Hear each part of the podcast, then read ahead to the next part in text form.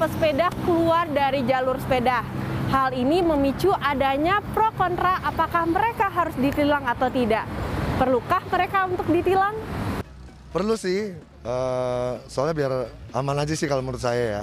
Gitu. Saya juga nggak uh, terlalu sering sih di rute dalkot dalam kota, cuma uh, saya rasa sih perlu buat keamanan juga. Gitu. Karena kan nggak semua speednya sama ya. Gitu. Setahu saya kalau yang peletonan mungkin bisa average 40 atau 3, 35 antara 35 40. Tapi kalau buat yang nyantai-nyantai kan mesti dibikin jalur sendiri. Oh, kalau menurut aku sih yang ditilang yang pengendara motor tapi ngelewatin jalur sepeda aja dulu gitu. Kalau selesai nilang mereka semua, baru pesepedanya bolehlah diterapkan aturannya. Tapi yang utama adalah justru yang make jalur sepeda dulu aja yang ditilang. Realisasi atau ada yang jagain kan gitu gitu.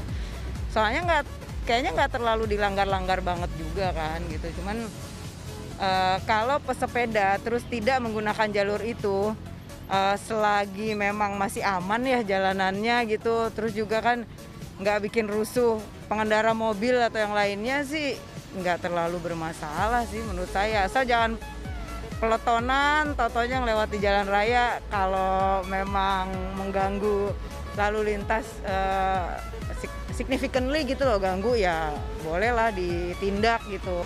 Direktorat Lalu Lintas Polda Metro Jaya dan Dinas Perhubungan DKI Jakarta sudah mulai melakukan sosialisasi terkait rencana penilangan tersebut. Sesuai dengan pasal 299 Undang-Undang Lalu Lintas dan Angkutan Jalan, para pesepeda yang melanggar akan dikenakan denda 100.000 atau ancaman kurungan penjara selama 15 hari.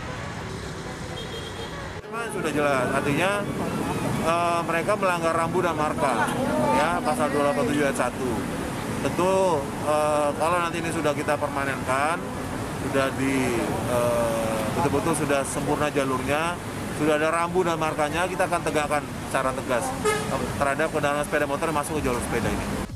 Pemerintah Provinsi DKI Jakarta telah membuat jalur khusus untuk para pesepeda di 17 ruas jalan Jakarta. Selain di Jalan Sudirman dan Tamrin, ruas jalan lainnya yakni Jalan Medan Merdeka Selatan, Jalan Imam Bonjol, Jalan Pangeran Diponegoro, Jalan Proklamasi, Jalan Pramuka, Jalan Pemuda, Jalan Sisinga Maharaja, Jalan Panglima Polim, Jalan RS Fatmawati, Jalan Tomang Raya, Jalan Cideng Timur, Jalan Kebon Siri, Jalan Matraman Raya, Jalan Jatinegara Barat, Jatinegara Timur. Diayu Lestari, Prabowo Kushartoyo, Jakarta.